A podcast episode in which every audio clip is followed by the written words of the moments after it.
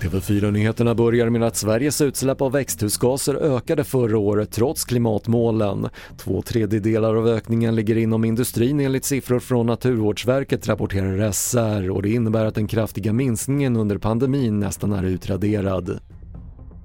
En ny vapenlag är redo att klubbas i USA efter de senaste massskjutningarna i landet. Demokraterna och Republikanerna ska ha kommit överens om bland annat tuffare bakgrundskontroller och större möjligheter att neka personer som döms för våld i nära relation att köpa vapen.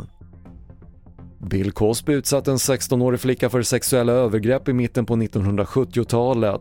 Det slår en civilrättslig jury i USA fast och den 85-åriga tidigare TV-stjärnan ska betala motsvarande drygt 5 miljoner kronor i skadestånd. Domen kommer nästan ett år efter att en tidigare sexbrottsdom mot Cosby upphävts och han friades efter nästan tre år i fängelse.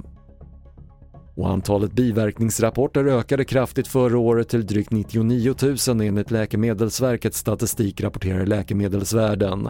Det är en tiofaldig ökning mot normalt och merparten, drygt 90 000 rapporter gällde misstänkta biverkningar av covid-19-vaccin.